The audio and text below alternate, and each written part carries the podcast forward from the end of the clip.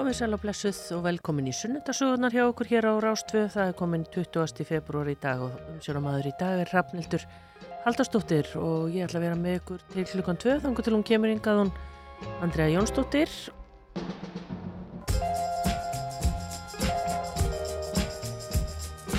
Og gestur í sunnundasögun dagsins í dag er Viktor Guðmundsson eða Doktor Viktor eins og hann er oftast kallaður tónlistamadur og læknir og sinnir þessum já, störfum jafnliða og var í umræð, umræðinni núna uh, bara fyrir held í viku og kom sjómasfrettumann þar sem að hann tengist olimpíuleikunum sem að eru með þetta klárast núna um helgina með því að hann samti tónlist fyrir leikana og heyrum allt um það, hans líf og uh, bara hérna uppvöxt og, og hérna hvaðan hann kemur og hvert hann er að fara allt saman í sunnudasögun dagsins.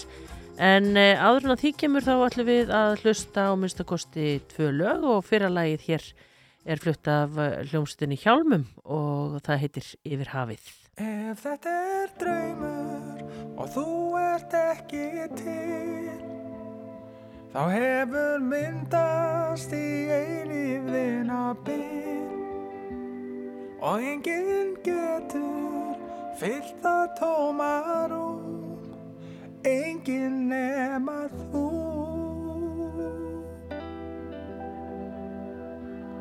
Þó að mér lítist oft ekki á blikuna þá leitar hugum minn upp til skíjana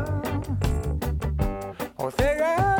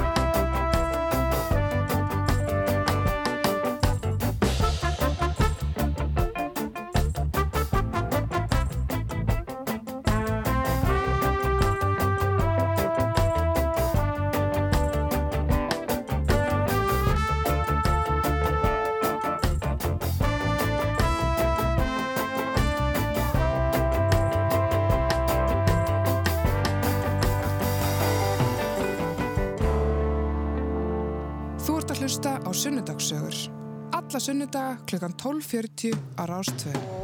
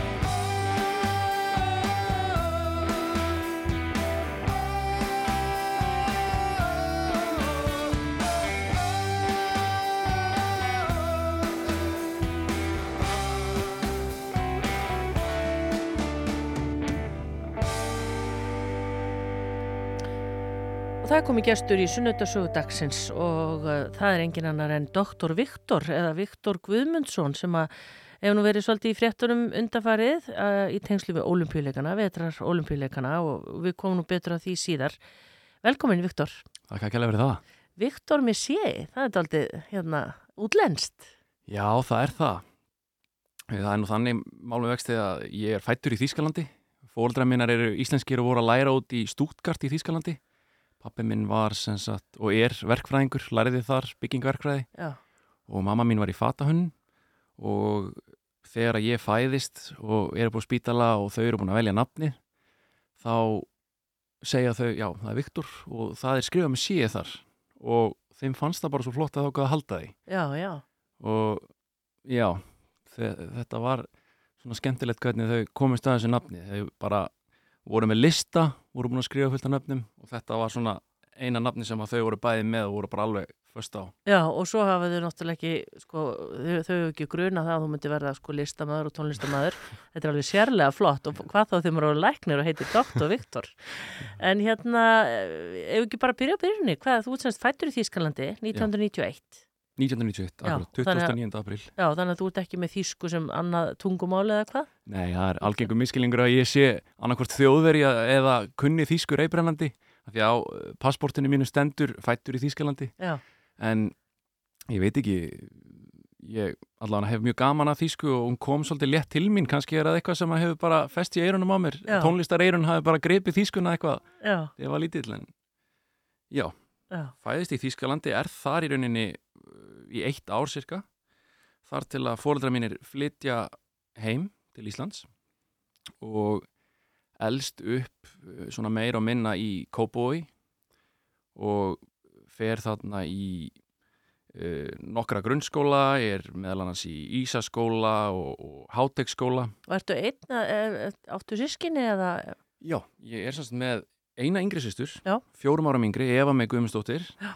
og við erum mjög náinn, erum bæði í læknisfræði og hún er líka aðeins í tónlist og, og erum mjög svona samheldin. já, ummitt. Þannig að hérna, þannig að fyrstu árin í kópáinum þá ertu bara svolítið einn með mamma og pappa, þannig til hún kemur. Já, í rauninni. Áttu góða minningar úr, eða svona hvernig hérna stráku varstu? Varstu þessi típiski fótboltastrákur og eitthvað? Ég var, eh, pappi minn Guðmundur Rapp Guðmundsson er píjánuleikari fyrir utan verkfræðistafrun. Þá var hann í píjánaskóla sjálfur þegar hann var yngri og þannig að ég bara frá því ég fæðist og mann eftir mér þá var hann alltaf með mig við píjanóið og var að láta mig glamra og, og hérna Og þú dalinn upp bara við á sunnudagsmótnu við píanuleik? Já, í rauninni, hann má segja það. Og, og hérna þannig að pappi minn er meiri svona skipulaður og er í verkfræðinni og er svolítið svona heldur utanum uh, skipulag og skrifa niður og svoleiðis. Mamma mín er meira svona líi glað eins og danarnir segja og er svolítið e, já, hefur svolítið svona eh, lausari tauma á hlutunum já, þannig að svona þetta þessis blanda einhvern veginn er það sem að já, eru svona mín helstu einkenni já, ummitt. En hvað hérna, hvað er í kópáinum? Því ég er nefnilega kópásbúi, það eru Östubærin og Vestubærin, hvað er bjúkuði? Akkurat, við vorum henni í hjallakverjun ætla að byrja með, Já, Östubænum. já, Já. Östurbænum og uh, já, stórpartur af fjölskyldin minna einmitt í Kópóinum, Vesturbænum Já, og til að mynda afi minn uh, Frosti Sigurjónsson uh, skullarnir heitinn sem að hérna er einmitt mikil fyrirmynd mín í, í læknisfræðinni já, og í tónlistinni. Hann var einmitt líka með flíil heima hjá sér og var mikið að spila eftir aðgerðir og, og, og þannig ég var einhvern veginn alltaf með tónlist í eironum og, og já, til að svara spurninginu náðan með svona uppeldið þá var þetta bara það var, voru reglur en það var samt haft gaman og það var gleði og, og, og það var mikið, mikil húmor og, og, og svoleiðis Já, en hvenar ákvað hérna Viktor að verða læknir? Sumir segja þetta þegar við spurðu sko í einhverjum sjónvastáttu þegar eru litli krakkar að fara á leikskólan að ég ætla að vera annarkoð slökkulismæður eða læknir eða eitthvað. Hvenar var Viktor búin að ákvaða? Já, eins og ég segi, alltaf það hafi ekki verið eh, afi minn hefur haft mikil áhrif hann frosti að ég var alltaf að, hann var alltaf að segja mig frá læknisfræðinni hvað hann væri að gera upp á spítala með skurðaðgerðir og hvernig líka minn virkaði og ég hafði mann bara, ég hafði því líkan áhuga á að heyra allt um mannslíkamann og bara kynnast honum. Og, og svo á sama skapi hefur mér einhvern veginn alltaf ég haft gríðarlega mikla þörf fyrir að hjálpa öðrum og, og, og haft gaman að því að hjálpa fólki. Og, og þetta samanlagt já, ég held að það einhvern veginn þetta bara mótaðist svona og ég var einhvern veginn alltaf fastur á því mér langaði í læknisræði já. En, en, va- en og, og varstu þá jafnlega sagt, í tónlistaskóla? Varstu líka í tónlistanámi alveg frá unga aldri? Já, ég pappi minn var náttúrulega með mig bara við píanóið alveg upp að svona tíu ára aldri þegar maður var farin að geta uh, já, æft sig og eitthvað að viti en hann sem sagt komir í píanónám hjá tónliskóla Kópavóks hjá kennara sem að kendi honum sem var svolítið skemmtilegt, Kristinn já. og uh, hérna mikil góðsögn hérna, og frábær píanókennari hann tekur við mér þarna í tónliskóla Kópavóks og ég þá með smá grunn, pappi búin að vera að kenna mér heima. Og uh, ég bara finn strax hvað þetta er einhvern veginn í puttunum að mér öruglega því ég er búin að vera að spila frá það að ég var lítill og, og hann leggur fyrir mig sérst heimann á hvernig ég hvað ég á að æfa og svona og, og þetta ég, mér fannst þetta bara svo gaman Já, en sumum finnst flókið að læra nótur og Mm. sumum getur að spila bara eftir eiranu, það er ekki alveg endilega sama fyrir alla. Hvernig var það hjá þér? Fannst þér auðvilt að lesa nótur og spila bara beint eftir nótum eða? Já, ég um, ætla að sé ekki tengt uppeldinu, það er svolítið gaman svona að spá í hvernig uppeldi hefur áhrif á mann að skipulagslið pappa er svolítið að klára struktúrin og fylgja þú veist nótum og vera með allt á hreinu. Þannig að ég e, vandi mig á að æfa bara hægri hend alveg endalust þangað til ég var búin að ná henni Já, og alveg vinstri hönd. Og þá var ég komið bæði og þá gæti ég verið með skipulag á læginu, svo fór ég í næstu blaðsíðu og ég var rosalega skipulagur en á sama skapi var ég líka með mömmuliðina og var svolítið líka glað og svolítið að hlusta með eiranu já, og ég myndi segja í dag sé ég meira eira og augu bæði í lærdómi þar sem ég mér finnst miklu betra að læra með því að sjá sjá útskýringamindbund, sjá myndir og, og, og svo hlusta já, og heyra. En kláraður tónlistaskóla eða varst í honum í mörg ár eða?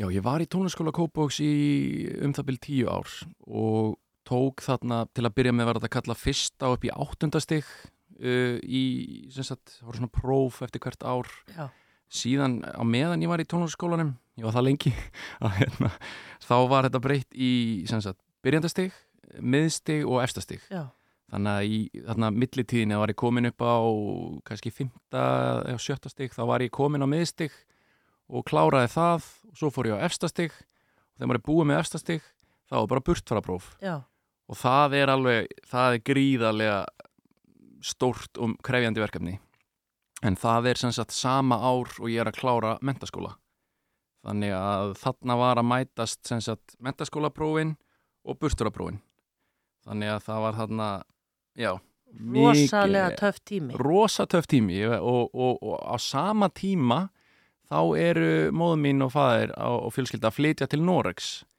þarna á síðast árinu. Já. þannig að þetta ár var alveg rosalega erfitt en þarna var að döða að dreipast og Og þú kláraði bæði? ég bara kerið á þetta og kláraði burtur að prófið og mentaskólan Já, er ekki mitt burt bara próf sko maður ímynda sér þetta að spila bara upp á sviði, einleik bara í langa, langa tíma. Ég vil sem verið viðstödd svona, þetta er Já. eitthvað bara ótrúlegt. Þetta var, já, þetta var rosalega krefjandi að því að ég þurfti að læra þarna utan bókar og efstastíð þá ertu með ákveðin sem sagt, styrtar eh, kvarða í, í, í lögum, það þurfa að vera ákveði, ákveði Já. erfiðleika stig og ég var komin þarna í lög, eitt var minni með 10 eða 15 blaðsjur sem ég þurfti að Ah. kunna utan bókar. Og ég var að muna þarna, ég minnir að hafi 5 eða 6 verk. Og í lokin þá var ég með uh, svona svo, svona hálgert mix eða hljóð uh, svona lag sem ég var búin að skapa sjálfur. Já, já, já, það þarf að vera eitt svo og, leiðis og þetta voru alveg 40 mínúna tónleikar og fullur salur af öllu mínu fólki, vinum, fjölskyldu og prófdómar í salnum og þetta er bara, já, ég fæ bara svona Já. hrolla hugsa um þetta og bara svona gæsa húð, sko. Já, frábært En hérna, í hvað mentaskóla varstu? Ég fór í Vestlumskóla Íslands, Já, Vestló. var það eitthvað, hérna bara fóru vininni þangað eða Nei, það var, fórum í kynningu þegar vorum í grunnskóla í alla svona helstu mentaskólana og ætli félagslífið hafi ekki verið að svona, tógaði til mín, Já, tógaði, tógaði mig semst að Vestló. og varstu Þetta- í þessum sýningum eitthvað og Já, ég var mikið í félagslífinu, var að eitthvað að taka þátt að skipulega einhverja viðburði og, og, og ég fann bara hvað mér fannst gaman að sko, vera duglur í skóla en að hafa samt gaman að lífinu. Já, og, og þarna í Vestló fannst mér það bara einhvern veginn, þetta var fullkomin staður Já. og er. Og ég bara gæti ekki mælt meira með Vestló. Þetta er svo, já bara það er svo skemmtilegt þarna. Svo mikið í bóði, og margir segja náttúrulega mentaskóla ári skemmtilegust ára æfinar Það eru Algjörlega. bara oft sem það er talað um það. Algjörlega. En ertu þá sem þegar þú útskrifast úr bæði hérna burtaraprófið og, og mentó, eru þá fóreldræðin fluttu til Norex? þau eru flutt til Norex og ég var þarna alveg orðin kláraði ég ætlaði að fara í læknisfræði. Já. þau flutt til Norex og ég kláraði þarna burtaraprófið og, og mentaskólan og var svona já bara þetta var eins og ég segi rosa krefjandi þannig að maður var svolítið svona Oh, búinn á því í já bara svona ætla aðeins að fá að slaka á þannig ég tók það bara þá ákvörðin að, að flytja út til Norex Hvar? Eða hvar? Uh, þau byggju í Oslo, Já. eða búi í Oslo og búi enn uh, en skemmtileg að segja frá því að, að meðan ég var í mentaskóla þá var ég sem sagt að vinna hjá Dressmann fataverslunni Dressmann og var þar Á eða? uh, já lögavinu með lands og Já, kringlunni já. og, og smáralind og það er Já, það má eiginlega segja að það hafi líka alveg mótað mig að því að, að þar var maður náttúrulega að tala við fólk endalaust og, og, og var að selja og svona og ég var með svolítið aðra nálgun á sem sagt sölu. Ég var miklu meira að spjalla við fólk en að vera að reyna að selja þeim eitthvað. Bara að hvernig hefur það í dag og hver er þetta að leita og, og bara höfum gaman að þessu Já, og það virkaði alveg gríðilega vel. Uh, smá sölutips eru það sem er hann út já, að selja já, nei. já, en bara að vera svolítið eðlilegur og, hérna í samskiptum í staðan fyrir að vera já, já fylgja einhverju svona einhverjum stöðlum, bara að vera mannlegur og þetta gerði það að verkum að ég var eh, gríðarlega hérna góðu sölumæður í, í, í þessu og, og þetta sem sagt þegar ég flytt til Norex þá er ég svona hvað að ég gera, ég er ekki alveg tilbúin að fara strax í skóla, þetta var svolítið krefjandi þarna mentaskólin og, og tónliskólin þannig ég fer til Norex og prófa að hafa samband í Dressmann í Noreg, þetta er náttúrulega norskt fyrirtæki. Og ég kunni ekki stakt orðið norsku, ég var með hana, mentaskóla dönskuna og ég fer bara í viðtal. Og, og næ hann að gera mig skiljarlegan að ég, ég sé frá Íslandi og gengur vel að selja þar, hvert ég ætti ekki að prófa að selja hérna í Noreg eitthvað. Og þau bara tóku þvílíkt vel í það og bara tókum undir sinn verndavæðin kaðan Dressmann og, og þar læri ég norskuna bara Já. á nokkur mánuðum. Af því þú ert alltaf að tala við kúnana Já, um bara lífið og er tilveruna. besta í heimi að, að flytja eitthvert til þess að læra tungumáli og, og það var ótrúlega gaman að ná norskunni alveg komast alltaf inn í, í, í norska samfélagið. Þetta er náttúrulega voða svipað og Ísland og hérna en bara prófa að búa í Nóri nýju og þarna uh, náttúrulega fóldra mín eins og sagði áður byggu í Þýskalandi og eru svolítið með opin hug að búa allstaðar. Og þetta svolítið opnaði hug minn að, að hafa búið í Þýskalandi, Íslandi fara til Norex að heimurinn er aðeins stærri en einhvern veginn maður gerir sér grein fyrir. Já, og þó þetta hafi nú bara verið Noregur en að fara í nýtt umhverfi tala nýtt tungumál, þetta svolítið opnar heilan. Já, og ég gæti ekki mælt meira með þessum fyrir alla að fara, flytja hans út kynast nýju. Já, og svo náttúrulega þetta þú ert að fara að kaupa þér eitthvað ef að sölumæðurinn fyrir að tala við þig bara um lífið og tilveruna Já, þá bara meiri líkur á að þú kaupir eitthvað. ég segi það.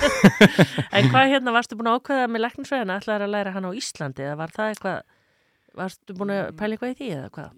Ég eh, hafði alltaf áhuga á að fara eitthvað erlendis og út. Og þegar ég var þarna út í Nóri þá uh, var ég að veltaði fyrir mér að læra út í Nóri og búa kannski á fóruldra mínum en ég einhvern veginn hugsaði með mér að væri öruglega skemmtilegra bara að búa einhver, einhverju landi sem ég hef ekki verið áður, einhverju framandi landi og, og ég sótti um í Ungurlandi og, og annar staðar og svo Slóvakíu. Og, og ég var búinn að heyra af þessu það var einn árgangu búinn að fara á, á undan mér einhverju sjö krakka frá Íslandi og, og þau töluðu svo ótrúlega vel um þetta þetta verið skemmtilegt, þetta er lítið svona samfélag þarna 60.000 manns og þetta er svona háskóla bær og mikil stemming allir í læknisfræði aðalega þarna og, og ég fer í inntökuprófið þar næð því og það var einhvern veginn ekki aftur snúið. Nei, hvernig er svona inntökupróf? Er það á ennsku þá eða hvernig? Já, það var á ennsku Já, það var sem sagt líffræðipartur og uh, efnafræði. Já, og ég var náttúrulega með góðan grunn og vestló uh, þar sem ég var á náttúrfræði braut og rifjaði þá bara upp það sem að maður búin að þess að reyðka og, og efnafræðinni og, og hérna komst þú þar inn og já virkilega skemmtilegt já. Ég hérna, maður veit ekkert mikið, Viktor, um Slóvakíu. Maður veit ekki neitt. Nei. Hver, hvernig, hvernig land er þetta? Heri, þetta er uh, þetta er bara náttúrulega til að byrja með þegar maður kemur þarna, þá er þetta svolítið öðrisi uh, náttúrulega tungumál er rosalega framandi sem að er, maður er strax bara uh, einhvern veginn komin á annan stað. En uh, landið, náttúran rosalega falleg uh, bara eins og Bratislava, gamli bærin þar ótrúlega svona fallegar og, og, og, og já, bara flott, flott saga þarna og Martin er í rauninni einhverjum tveimur, tveimur, þreimur tímum frá. Já, heitir, heitir hérna bærin sem að þú, Já, Martin. hann heitir Martin. Uh, í norður hluta Slovakíu já, og þetta læknaskólinn heitir Jesenius Faculty of Medicine sérst, í Martin. Og þessi Jesenius Faculty of Medicine eða Jesenius, uh, það er sem sagt í Bratislava. Þetta er svona, má segja eins og Háskóli Íslands með svona ímsum fögum. Já, já, já, en svo er læknar hlutin hérna í, í Martin alveg rosastór, já. Og þannig að, og ég menna fullt af Íslendingum sem hafa farið í gegnum skóla, er það ekki? algjörlega. Uh, ég meina eins og ég segi, þá var ég uh, í öðru holli, eins og má segja. Uh, er þarna við komum 40 manns, það er sérst sjö fyrst og við komum kringum 40 og uh, rosalega spennandi maður er komin í nýtt land, nýtt tungumál nýtt umhverfi. Uh, með öðrum Íslendingum það er allir að stíga sín fyrstu skref og því þetta voru uh, við vorum ekki búin að það voru ekki það margir búin að vera undan okkur þannig við vorum ennþá einhvern veginn að kynnast bænum og fólki og hvar allt er þannig að allt var rosalega spennandi. Og fólk var að segja er þið búin að prófa að fara upp í þetta fjall þarna, það er rosalega flott og er þið búin að fara í skíði þarna og er þið búin að prófa þessa búð? Og uh, rosalega spennandi. Já, og ég bara eiginlega frá fyrstu myndu fell alveg fyrir þessu að, að, að, að fara í eitthvað svona krefjandi og spennandi aðstæður sem maður hefur ekki verið áður. Og út fyrir eindar út fyrir þægindaramann, já, einmitt. Já, að bara taka, taka þetta stóra stök og þetta er vissulega stórt skref fyrir þá sem eru kannski búin að búa á Íslandi eh, með fjölskyldunni sinni allt sitt líf ég rauninni var búin að taka skrefið að flytja til Norex frá aðeins fjölskyldun og vinum sem voru hér og búin að búa þarna einn áður á Ísland og fjölskyldan í Noregi. Þannig að það var ekki alveg einn stórt skref fyrir mig en þetta er vissulega stórt skref fyrir alla sem er að koma út já, í fyrsta skipti að flytja frá öllum. En allir, eh, eiginlega nánast allir sem ég hef talað við sjá ekki eftir þessu, þetta er bara, þetta er svo mikil upplifun. Hvernig hérna, hvað gastu nú gert í píanómálunum þarna? Varstu, gastu verið með íbúð þar sem að að var píanó eða hvernig? Ég var mjög heppin að finna mér uh, íbúð á leigu sem að var um, hún var á efri hæði húsi. Fyrir neðan með gaman að segja úr þegar þá, var hérna lögfræðistofa og hérna einhver fasteinaskrifstofa sem að lokaði, sérst var 8-4 þegar ég var í skólanum. Svo þegar ég kom heim þá gæti ég bara verið að glamra á píanói sem ég tók með mér. Sérst frá Íslandi Já, já, já, já, þannig að það var engin að kvarta, engin með prik engin að kvarta og ég var já, reyndi mitt að vera duglegur að viðhalda lögunum Já. sem ég var búin að æfa og æfa, æfa nýtt Já, en sástu fyrir þér, Viktor, þar að þú yrðir alltaf einhvað að vinna með tónlistina þó þú væri í svona krefjandi læknisfræði námi eða? það hefur einhvern veginn alltaf verið þannig að e, þegar ég er meira undir pressu, meira krefjandi þá leita ég tónlistina og ég held að sé bara þessi slakandi áhrif sem tónlistin hefur að maður einhvern veginn nær bara róa sig alveg niður og fara í an, einhvern annan heim, hugarheim og, og bara njóta einhvern veginn momentsins eða bara svona augnablikið, augnablikið að, að vera bara að hlusta og, og þetta gerði ég rosalega mikið samhliða náminu að hann kannski erfitt próftímabil þá var ég skipulaðið mig eins og pabbi ger alltaf, skipulaðið sliðin og svo var ég líka með þessa svona rólegu hliða sem ég bara leiði mér að setjast í píanóið slaka á, spila og hafa gaman að þessu. En uh, það var svona á fyrsta árinu mínu greiðlega kreifandi að vera allt í hennu komin í, í, í læknanám þarna uh, og mikill lestur og svona uh, en það var einmitt undir þessar miklu pressu sem ég fann bara að ég veist rosalega gaman að spila en líka að skapa þá byrjaði svona sköpunin og, og þá byrjaði ég að skapa meira af tónlist Já, semja. já, sem, Já. já. semja meira og ég hafði verið að gera það áður en þarna undir þessum þessi meiri pressu þá fann ég mig bara einhvern veginn fann bara mér langaði að gera eitthvað meira með tónlistina Já, einmitt. Hvað hérna, það er náttúrulega auðvitað margir síðan að þú ert hann í öðru hollinu hann í náminu hann út í Slovakíu en, en fólk er líka að læra í Ungverjalandi og það er bara að læra út um allan heim og mm Mhm. Náið þið svo alls saman sko að því nú starfar þessi læknir hérna á Íslandi. -hmm. uh, er þetta ekki bara gott fyrir hérna okkur sem að þurfum að læknum að halda að, að það sé ekki bara einhvern veginn allir mentar á sama stað úr sama skóla, það lítur að vera gott. Algjörlega. Ég veist það bara alveg frábært hvað fólk er að leita út. Það er, fólk er að læra í Danmörku, Slovakíu Ungverjalandi og Pólandi og ég hef heyrt ímsa staði sem að maður vissi ekki einu sinni að það væri Íslendingar. Nei, og, og eftir að hafa verið að vinna landsbítalum hérna heima núna þá er bara það er allir að kom, það er allir að læra læknisfræði, læknisfræði líka minn breytist ekkert saman hvað þú lærir, Nei, bara öðris uppsett nám en ég finna bara að það er allir einhvern veginn bara með mjög svipa mjög svipa, hérna, mjög svipaðan grunn og það er bara frábært einhvern veginn hvernig þetta blandast allt saman já. En það er ekki þannig sko oft var að tala um að þeir sem myndi ekki ná prófunu hér, Já. að þeir færi eitthvað út, Nei. það er bara einhver mýta. Já, í rauninni.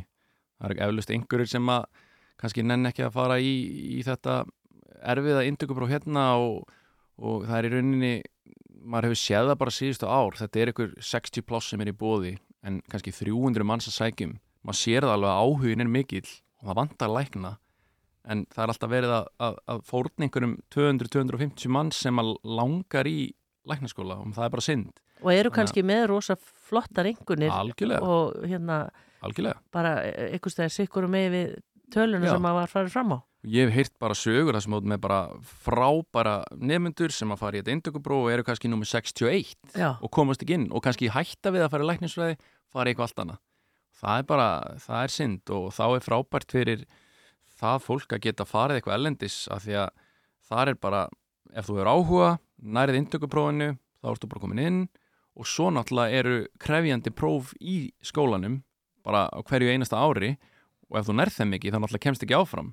Það er ekki þannig að þetta sé eitthvað auðveldara, þetta er, já ég myndi segja bara erfið ef eitthvað er af því að maður er þarna einn, maður er alltaf inn komið frá fjölskyldunni, maður er að uh, feta sín fyrstu fótspor uh, bara í lífinu, bara að búa einn og að vera í námi. Það má segja þetta sé svona skóli lífsins líka í þokkabót. varstu aldrei að bugast, Viktor? Jú, eh, alveg klárulega. Uh, þetta er náttúrulega þungt nám uh, og mikill lestur en eins og ég talaði um á hann þá, þá var ég sem sagt þá var ég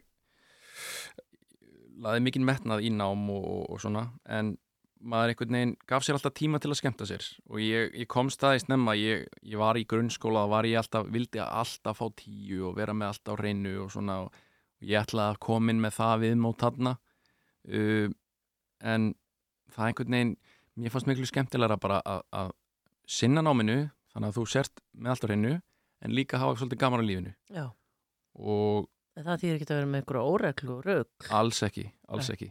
En eh, náttúrulega náttúrulega tónlistin tók þarna við á fyrsta ári og svo öðru ári þá byrjar þetta svona aðeins að, að aukast. Að ég fer að skapa meira og, gera meiri tónlist sjálfur uh, og er búin að setja upp svona hálgert stúdíó heima hjá mér. Það sem að þannig að ég er með lærdamsaðstöðu svo er ég með svona aðstöð fyrir tónlistina. og svo kemur að því að, að það kemur tækifæri viltu fá að spila hérna í bænum á nefndagliði og ég ákveð bara að stökkva það tækifæri Já. Og spila þá á piano. Já, þá er ég með þess að uh, ég með hérna uh, svona, uh, hvað maður segir plötu uh, Ekki beint plötuspilara. já, ég er svona plötu svona eins og að kallast það DJ Já. Og er þá búin að gera mína eigin tónlist og, með, og blanda saman alls konar tónlist og, og er þannig, já er þannig að, segja koma fram og var þarna að spila í mann fyrst í uh, svona nefndagliði fyrir ykkur 200 manns Já. og þarna finn ég bara að þetta er bara það skemmtilegasta sem ég hef gert að vera að skemmta fólki, sjá fólk dansa og hafa gaman og þarna kviknaði á einhverju Já. að ég fann bara að ég er búin að skapa tónlist, ég er að spila fólk er að gaman, brosa, það er aðeins að þú veist, hafa gaman á lífinu og þetta eru náttúrulega allt læknis, læknanemar sem eru þarna á þessari gleði og, og fólk talað um það, hvað það var gaman að kíkja út á lífið, hafa gaman og meðan maður er í þessu erfiða námi var kannski tekið uh, tekið alveg lærdómskersla þarna virku dagana, svo að farið aðeins út og skemmt sér á föstudegi, svo bara lært um helgina og farið eftir skólan á mándin. Já, en ekki Viktor, hann þurfti náttúrulega að vera áfram í vinnunni. Þetta var náttúrulega, eða, eða, segir þú bara að þetta sé, þú veist, ert að skemmta þér, þú veist að gera þetta. Ég hef svo gaman að þessu að þetta er bara, þetta er bara skemmtilegasta sem ég geri. Já. Að ég mun aldrei tala um þetta sem vinnu. Auðvitað er þetta náttúrulega, um, jú, jú, þetta er mikil vinna þannig sem maður er náttúrulega sitjandi heima og er að skap, sest, vinna í tónlistinni og allt það og svo er maður að spila og er kannski nokkra klukkutíma að spila. En þetta er svo gaman að ég einhvern veginn líti ekki á þessu vinnu þetta er bara gleði. Og þetta byrjar þarna að þróast út frá þessu. Ég spila þessari gleði og þá, þá sér mig einhver frá einhverjum öðrum stað í bænum og sér, herru, væri til að spila hérna? Og svo væri til að spila þarna og þannig svona byrjar þetta að vinda upp á sig Já. Við skulum heyra hérna smá dæmi, þú ætlar að finna fyrir okkur eitthvað lag þannig að fólk svona getur ímyndað sér hvernig þetta hljómar hérna tónlistin, Viktor, Akkurat. skulum taka hérna uh, koma nokkur auðlýsingar og svo aðeins að tónlistinni og svo skulum við halda áfram í setni hlutan Viktor Guðmundsson, gestur minn í sunnundarsögum dagsins eða Doktor Viktor eins og hann er daglega kallaður Þú ert að hlusta á Sunnudagssögur. Alla sunnudaga klukkan 12.40 á Rástvö.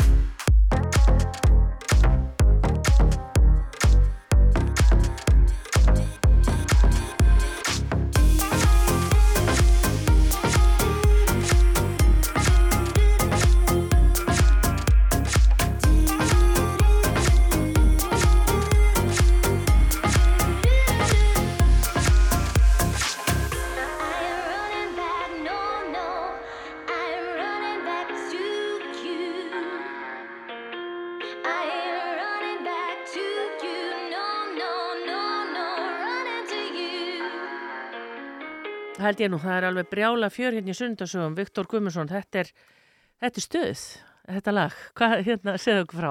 Heldur betur.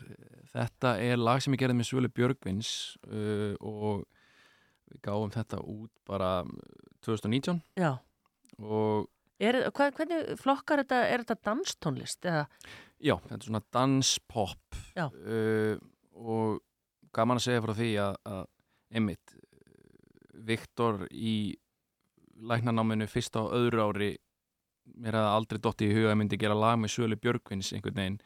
Ég var bara að skapa mína einn tónlist og, og gera einhverja takta og, og, en, en svo einhvern veginn fann ég mér langaði og fannst gaman að vinna með öðru tónlistafólki. Og þetta byrjaði bara að þróast þarna einhvern veginn að þetta varð bara alltaf meira og meira og meira. Og mér datt bara ekki í hug að já, þetta myndi þróast í þessa átt en, en þetta er leiðin sem að mér finnst uh, skemmtilegi tónlist að vinna með öðrum og fá svona inspiration Já, einmitt. Þú varst hérna í fyrirlutunum ást að segja mig, þú ert fenginn hann til þess að skemmta í laknadeildinni úti í Slóakíu akkurat. og þá eiginlega svona fattar já, heyrðu þetta er nú algjörlega, þarna er, það er eitthvað, það er eitthvað þarna sem tógar í mig. Já. Ertu svo bara orðin, hvað ég var að segja, jafn, jafn hliða í læknanáminu, ertu þá skemmta um helgar eða hérna, er það bara orðin svona hluta af þessu? Já, ég var í rauninni, ég reyndi náttúrulega, ég passaði með að hafa alveg uh, yfir sín yfir læknanámið og var duglegur að læra fyrir próf og allt það, en alltaf þegar mér gafst tækifæri til, þá var ég, þá var, bók, þá var ég bókaður á skemmtanir, bæði þarna nefnda gleði og annað, partí og svona, en svo fór þetta aðeins að vinda upp á sig og það var farið að bóka mig þarna við svegar um Slóvakíu í næstu bæi og ég var að spila á slóvakískum útiháttíðum og, og og þetta byrjaði að þróast þannig að lönd hann í kring, Ungverjaland og Póland voru farin að sína áhuga og, og ég, þá var þetta að vera, farið að vera svolítið yfirþyrmandi og mikið. Já, Það var svona þriðja ári sem að þetta er orðið rosalega mikið. Ég fann að spila hérna heima á Íslandi þegar ég kem heim á sumrin, fæ mitt fyrsta gig á þjóðháttíð og, og er líka að spila þarna úti þeirri náminu.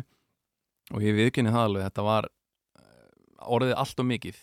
Og ég fann það bara hvað ég var orðin bara einhvern veginn þreyttur að því ég náði ekki sinna alveg 100% tónlistinni og ekki alveg 100% læknisvæðinni þannig að það kemur hérna tímapunkti í svona lok ársin lok þriði ársins í læknisvæðinni þegar hálnaður að ég hugsa með mér af hverju er ég að þvinga mig áfram í báðu þegar ég get tekið mig bara árspásu og gefið tónlistinni sitt sveirum aðeins fengi að anda og, og, og verið þá bara að læra eins og ég vill í þetta pásuári í læknisvæðinni bara og gert, skapað meira Mm.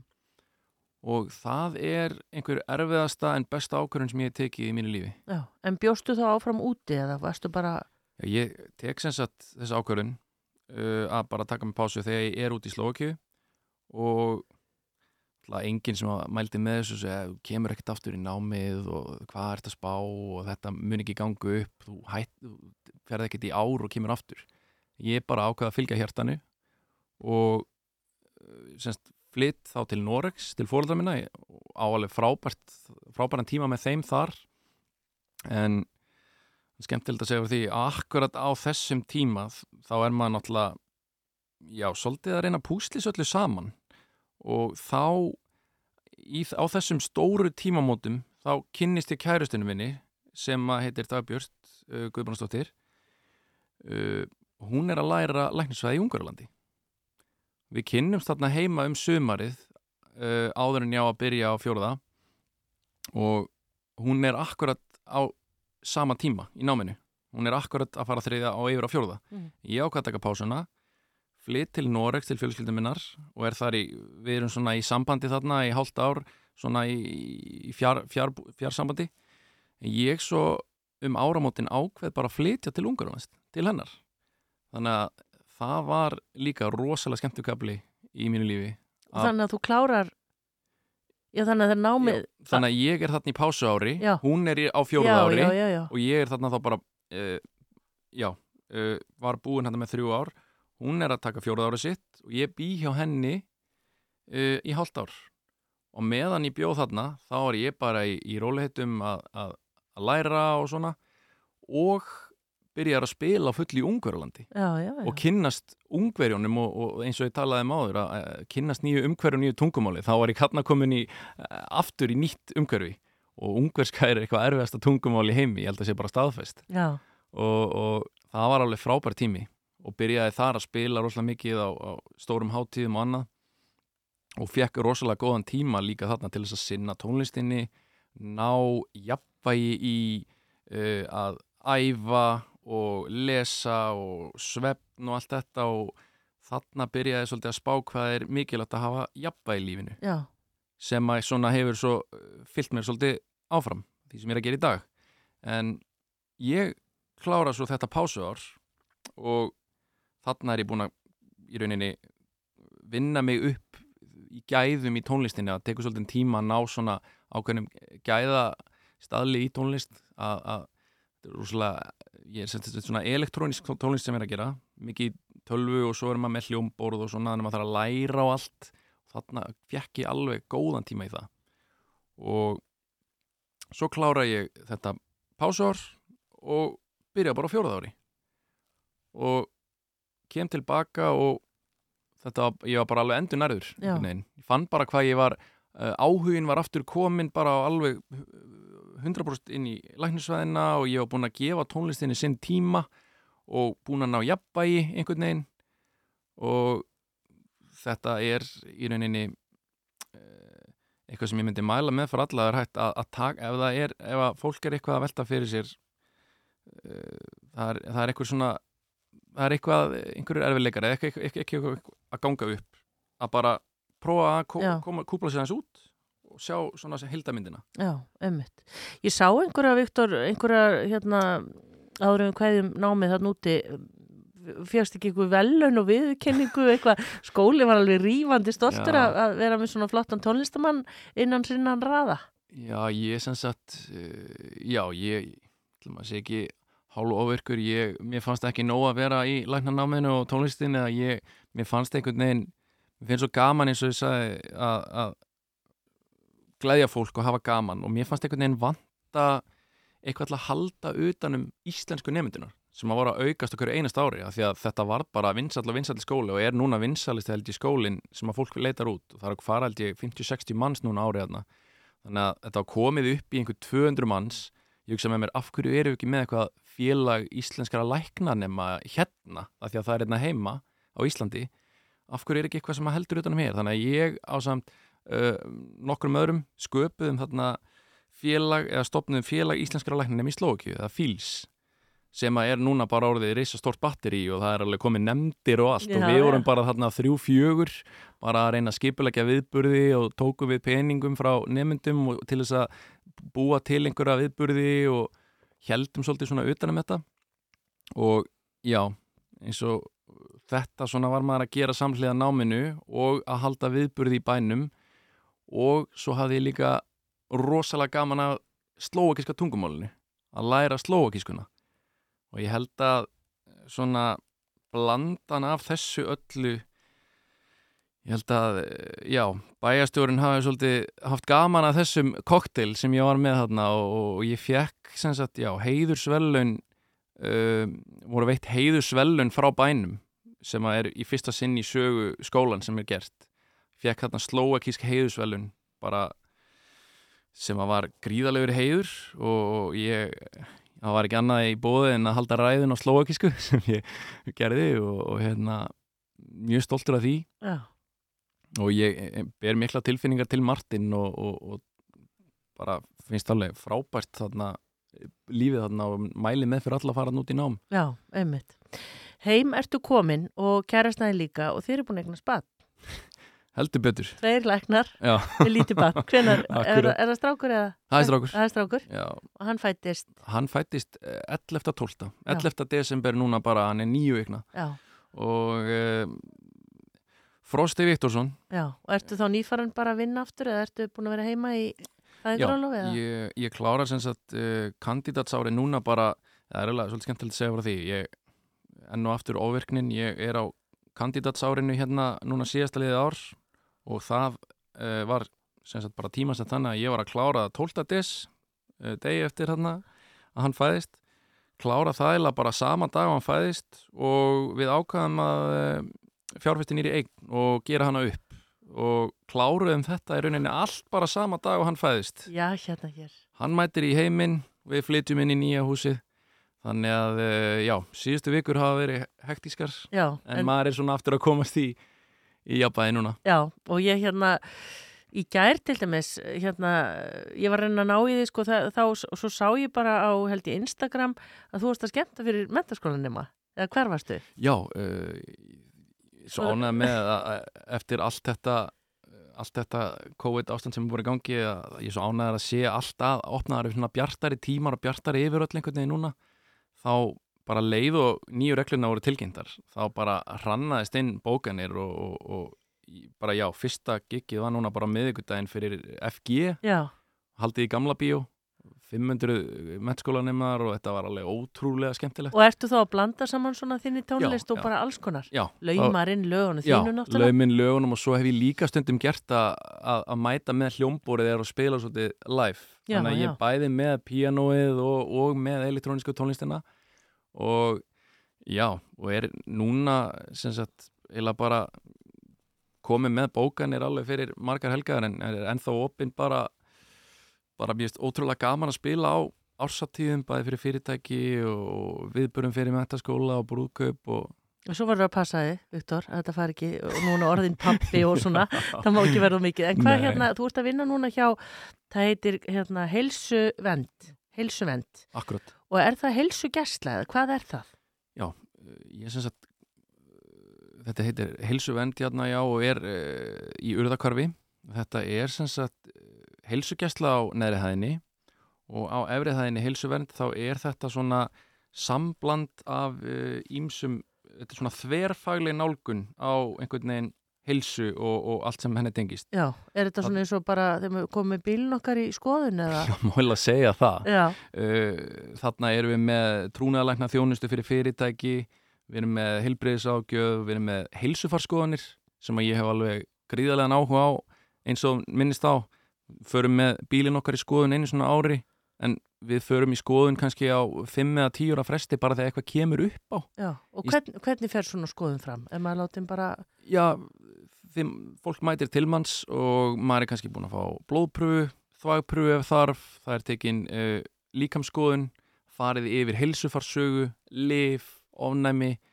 uh, það er uh, tekin blóðþristingur, blóðsikur, það er farið yfir allt þetta helsta. Já. Svo álagspróf sem að ég skoða hvernig hjartastarfsemin og allt þetta og þetta er allt tekið saman og andleg heilsa einni, þú veist, það er bara allir pakkin tekin já, en af hverju förum við svona sjaldan í svona próf? þetta er eitthvað sem að ég bara skil ekki og mér langar að breyta mér langar að stöðla meira af sagt, fyrirbyggjandi Já, fyrirbyggjandi læknisvæði það er, mér finnst einhvern veginn fólk alltaf og hvernig þetta er uppbyggt að fólk leitar alltaf í til læknis þegar það er eitthvað komið upp á. Blóðþurstingurinn er alltof hár. Blóðseikurinn er rúkin upp á öllu valdi. Uh, stóðkerfisverkir sem eru búin að vera í ár, tvö, þrjú í staðin fyrir að, koma fyrr eða áður og, og geta þá einhvern veginn brugðist við. brugðist við, En hvað hérna, eh, ertu búin að hugsa, ætlar að fara í framhalsnám, er þetta eitthvað svona í það átt sem þú ætlar að fara í? Já, sem er svo skemmtilegt við þetta fyrirtæki helsuvend að þetta er fyrir utan þessa þverfælu, það er geðlæknar, sálfræðingar, læknar, hjúkunarfræðingar þetta er svo, þetta er svo góður hópur af mismunandi fólki að, og líka með við erum að í alls konar svona mótun og þróun og erum að pæli nýjum hugmyndum. Og þarna fæ ég einhvern veginn kreatífa hliðið minn líka að skína. Svona tónlistar heilin fæ líka njóta sinni í læknisveðinni þetta er alveg fullkomin staður finnst mér að, að geta verið að, eins og ég er að segja með þetta fyrirbyggjandi læknisfræði að mér langar að gera eitthvað meira með það. Þetta er alveg Já, staðurinn þar, og þetta er svona svolítið kannski framtíðin í læknisfræði? algjörlega. Já, ég held að það sé að gera miklu meira með þetta. Það er allir með snjálfsíma, að við séum ekki alltaf að bregðast við, heldur. algjörlega. Fyrirbyggja Já, og það langflesti konum með einhver snjallúr og það allir með snjallsíma það er að mæla blóðhurstingin og það fyrir beint í símaðin og það er að mæla blóðsikur og það fyrir beint í símaðin þetta er, þetta er allt orðið svo uh, notendavænt en við einhvern veginn erum ekki að nýta tæknina.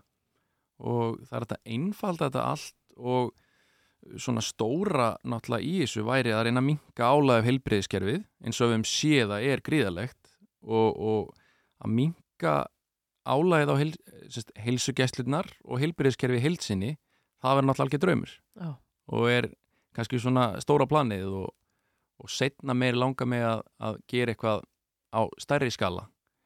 Og þannig langa með að nýta tónlistina. Það er ekki það að með langi að vera einhver uh, frægur tónlistamæður og fá fullt af pening og eitthvað svoleiðis, það er meira það að með langar að tengja læknisvæðina og tónlistina saman fá þennan plattform uh, sem að tónlist gefur manni til þess að koma svolítið inn á fyrirbyggjandi læknisfræði og tala um heilsu og svoleiðis. já, ömmit. þú, þú nú, ég sá að þú varst til dæmis í höllinni þegar var verið að bólusita fólk. Þannig að þú ert svona smá saman að koma þér þarna inn. Já, en hvað gerir þú sjálfur, svona áður en við tölum svo ætlum ég að tala eins við um lagið hérna olimpíuleikan og allt það, akkurat. hvað gerir þú sjálfur? Af því það er, þú, sko með við það sem ert að segja mér þá er svolítið mikið að gera hjá þér. Og ég var mjög lengi að ná í þig og allt þetta. en hvað hérna gerir þú sjálfur til að passa upp á þig? Já, ég í rauninni uh, tala alltaf um það og hef séð að í rauninni er þetta mjög einfalt. Þetta eru fjórþætt og þetta er svona eins og stólt með fjórafætur. Það er reyfing, mataræði, svepp og andlega hilsa. Þú ert að sinna þessum fjórum hlutum og þá nærðu svona góðu jafnvægi í lífið þitt. Já. Og ég spyr eiginlega alla sem koma til mín, hvernig er svefniðin? Og fólk er ekki að sofa nógu vel. Hvernig er mataræðið? Æ, ég er að borða eitthvað og einhvern veginn og, ert að reyfað eitthvað? Nei, ég hef ekki tíma fyrir það. Og hvernig líður svona andlega? Já, ekki vel. Og þá byrja maður bara á þessum grundvallar atriðum í staðin fyrir að fara beint í lif eða Já, að leiti í eitthvað, einhverja plástra að fara, ok, náum svefninum í lag byrja að borða eðla og fara að reyfa þig, þetta er grundvallar atriði og þetta hef ég líka tilenga mér, ég reyni að sem sagt sinna læknisvæðinni sem er svona, þú veist, vinna mín svo tek ég reyfinguna fyrir alltaf einu svona dag reyfum í hálftíma, fyrir sund hleyp, er meðal annars með hérna, besti vinnu minn Arnar Pétursson marathónleipari, hann, hann er með mig í hlaupaprógrami og reyfing þarf ekkert að vera flókin. Eins og hann Arnar segir sjálfur uh, að, bara allt er hægt ef maður fyrir nógu hægt. Já, bara það þarf ekki að fara og alveg keira sig út. Þetta er bara spurningum að taka göngutúrin. Skokka létt, fara í sund og gera þetta frekar að lífstíl en að vera eh, einhvern veginn ætla sér að sigra heiminn bara strax. Já, og eins með svepp ég legg, eh, aðeins minna núna eftir að uh, litli kallinn mætti heiminn en að reyna ef maður getur að ná átta tímum. Ef maður hefur ef maður getur en allavega að reyna að sofa nóg og svo með andliðuliðina þá er mikilvægt að, að gera hluti sem maður finnst gaman ná að sinna áhugamálun sínum eins og að mér er að tónlistin sinna því og, og ferðast og, og, og gera sem maður finnst gaman. Og já, ég þetta er svona liklarnir Þetta eru liklanir og, og ég sjálfur, maður hefur verið að nota, ég nota dagbók voðalega mikið, skrái hjá mér, uh, hérna, ég reyna að skipta þessu upp, bara eins og maður er með, yfirleitt er maður í átta tíma í vinnu, svo maður maður mæli, maður uh, sefur um átta tíma, þá er þarna átta tíma lausir, sem maður þá er kannski að sinna einhverju, maður hefur alltaf tíma á hverjum einasta degi til þess að hreyfa sig og til þess að gera áhuga, sinna áhugamálunum sínum og annað. Og ef maður er ekki að gera það þá byrjar þessi keðjuverkun sem að leiði mann út í eitthvað, eitthvað ójabæi Já, og þú ert náttúrulega hafandi kannski upplifa það að einhvern tíma var komið nóg hjá og þá kannski Já, áttar þið fyrir á því að Algjörlega. nú er komið eitthvað svona, ég, algjörlega ég get ekki haldið áfram svona Nei. Nei. þar fann ég bara, ég var komin í ójabæi og, og, og hérna og þá, þá var maður kannski svolítið svona fatt, já, var að velta fyrir sér af hverju, að ég er ekki alveg að ná utan að mynda allt og svoleiðis, en svona setna meir hef ég bara séð, maður hefur, þú veist, reykið sér á veggi það er aðeins meira að gera í tónlistinni og aðeins meira í læknisvæðinni og þá nær maður ekki aðeins alveg að sinna öllu, þá finnur maður bara að maður er ekki jafnvægi, leiðum maður nær svo jafnvægi aftur á hlutina, líður maður miklu betur Já. Viktor, ég verð að tala við um olimpíuleika lagið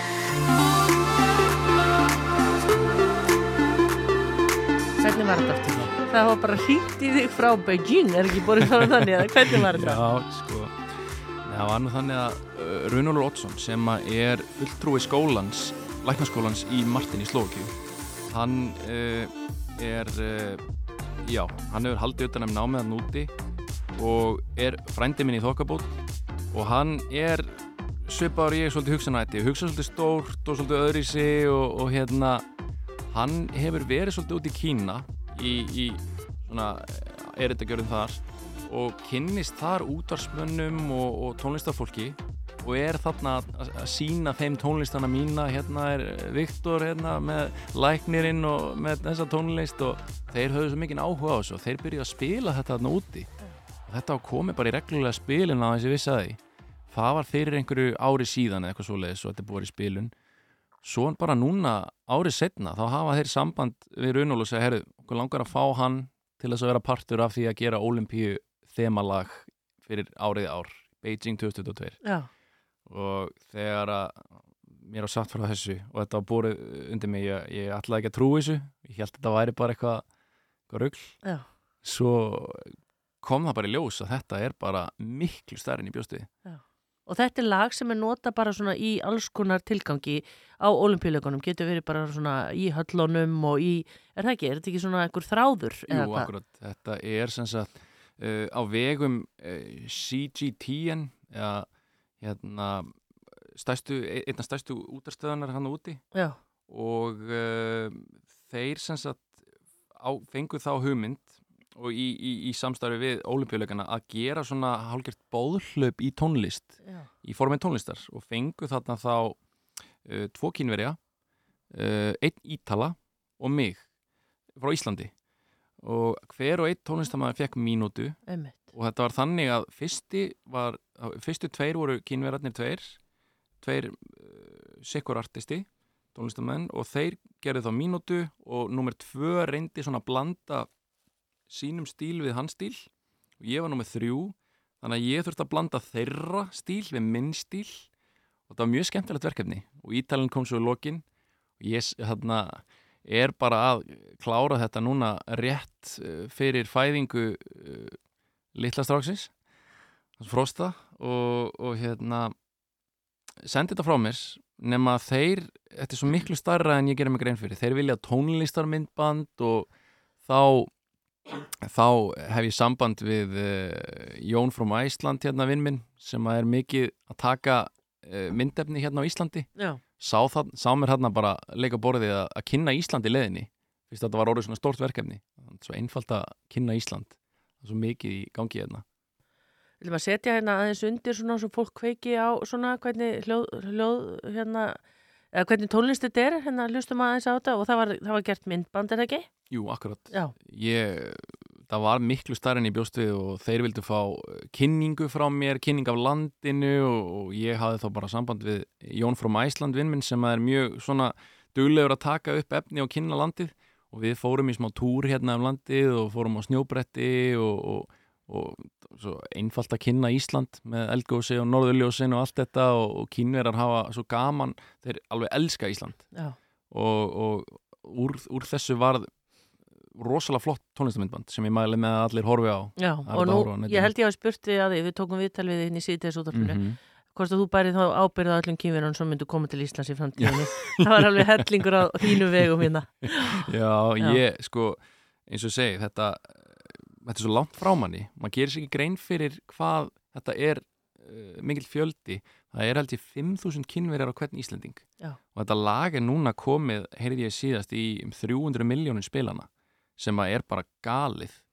Og uh, já, þau vilja gera meiri tónlist með mér og eru búin að fá þarna einhverja uh, tónlistarmenn og söngvera frá Kína sem ég er í tengslu við núna og Vá. þetta er akkurat svona sem að ég hef svo gaman að að vinna með tónlistafólki uh, út um allan heim og er svona það sem ég sé fyrir mér að gera í framtíðinni Dásanlegt. Við ætlum að enda þetta, uh, Viktor, á uh, lagi sem hún gerði með fótboltamanni. Já, Ha, akkurat, er Rúri þetta allt Gísla viniðinir? Uh, Þetta er nú skemmtilega sag að segja frá. Uh, þegar ég var búinn að gera þarna lægi með Sjölu Björgvins og, og fleiri lög með öðrum tónlistamennum þá áttaði mig á því að þetta er einhvern veginn mín leið í tónlist. Að vinna með öðrum, hitta fólk hafa svolítið gaman og ég þarna heyri í Rúrik uh, syngja í það var bara einhver þáttur sem hann var að glamra á gítarinn Já, og, og hérna heyri að hann er með frábæra rödd og, og sendi bara á hann skilabóð og heyri í honum og hann hafði rosalega áhuga að gera einhverja tónlist en sá ekkert fyrir sér hvað er þið úr þessu. Ég hugsaði bara að það væri skemmtilegt bara verkefni fyrir okkur báða og svo þróaðist þetta alveg og, og við kláraðum þetta, þetta lag Older og gerðum tónlistamindband og svo út frá því og, og Rúrik er svo við erum svo svipaðir hérna í hugsunahætti við hugsum alltaf bara stærra og gera eitthvað meira úr öllu og erum bara opnir fyrir öllum hugmyndum. Fengum þá hugmynd að það væri gaman að gera eitthvað í, í hörpu, eitthvað svona róla útgáð þessu lagi. Þannig gerðum líka myndband í hörpunni af þessu og, og erum að vinna í meiri tónlist núna. Já, og hann er hörku tónlistamæður. Hann er ekki bara betur. fótbolta og fyrirsæta og dansari, Dansa- Nei, heldur er hann líka bara frábær tónlistamæður. já, hann er bara allir bakinn. Þetta er, og þetta, þetta er hérna ótrúlega skemmtilegt og þetta lag er svona, já, textin er svolítið bara fjallar um það að- hafa svolítið gaman á lífinu og vera ekki, vera ekki með e, svona ómiklar væntingar og, og vera að berja sér niður, heldur bara við munum hlæja þessu setna þegar við verum eldri já. Góð lokaorð. Þannig að Dr. Viktor, takk fyrir komuna. ætlum að enda þetta á þessu lægi eftir þig og hérna Rúrik Gíslason syngur hann einn lægið eða. Já. Já. Uh, hvar sérðu þig í framtíðinni? Bara í þessu öllu sem við búin að tala um? eins og segi, að samina tónlistin á læknisfræðina, fyrirbyggjandi læknisfræði uh, vera einhvern veginn að, að gera stóra hluti í læknisfræðinni breyta einhverju þar og skapa meiri tónlist út um allan heim og vera að spila Já, ferðu stundum í dressmann og kaupið skiptið. það kemur alveg fyrir Það kemur fyrir flotta skiptið þar. heldur betur, Já. góðu bómill Takk fyrir komuna í sunnudasögur Viktor Guðmusson eða Dr. Viktor. Takk ekki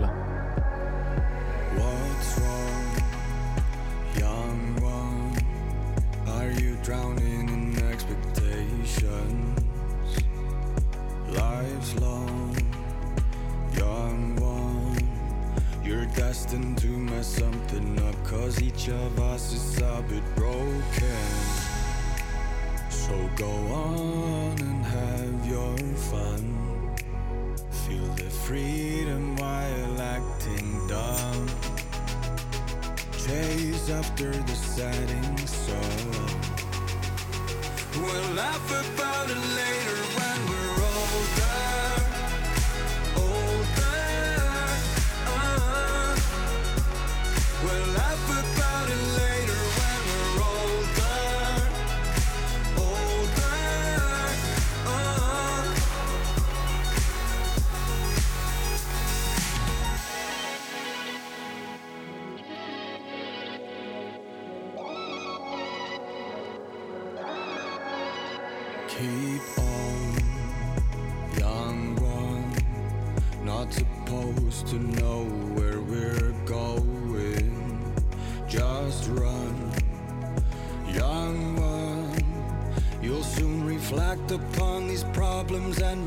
what you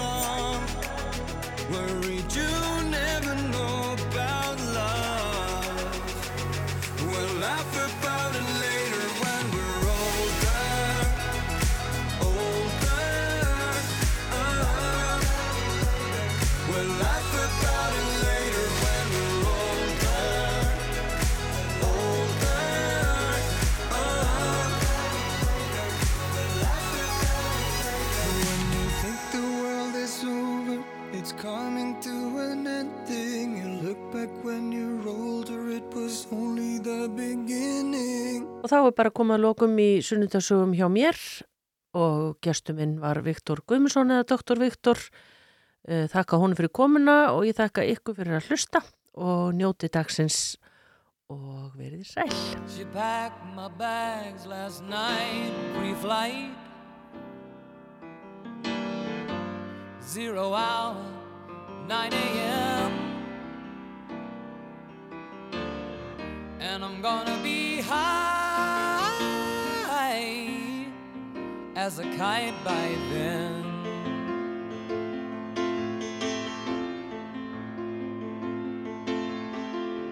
I miss the earth so much. I miss my wife. It's lonely out in space on such a timeless flight.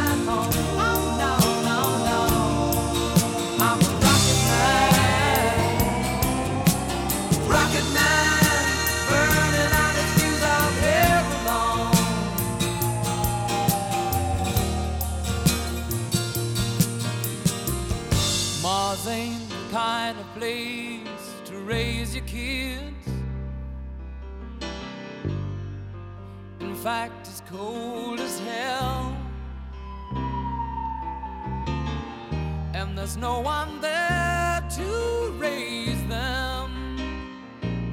If you did,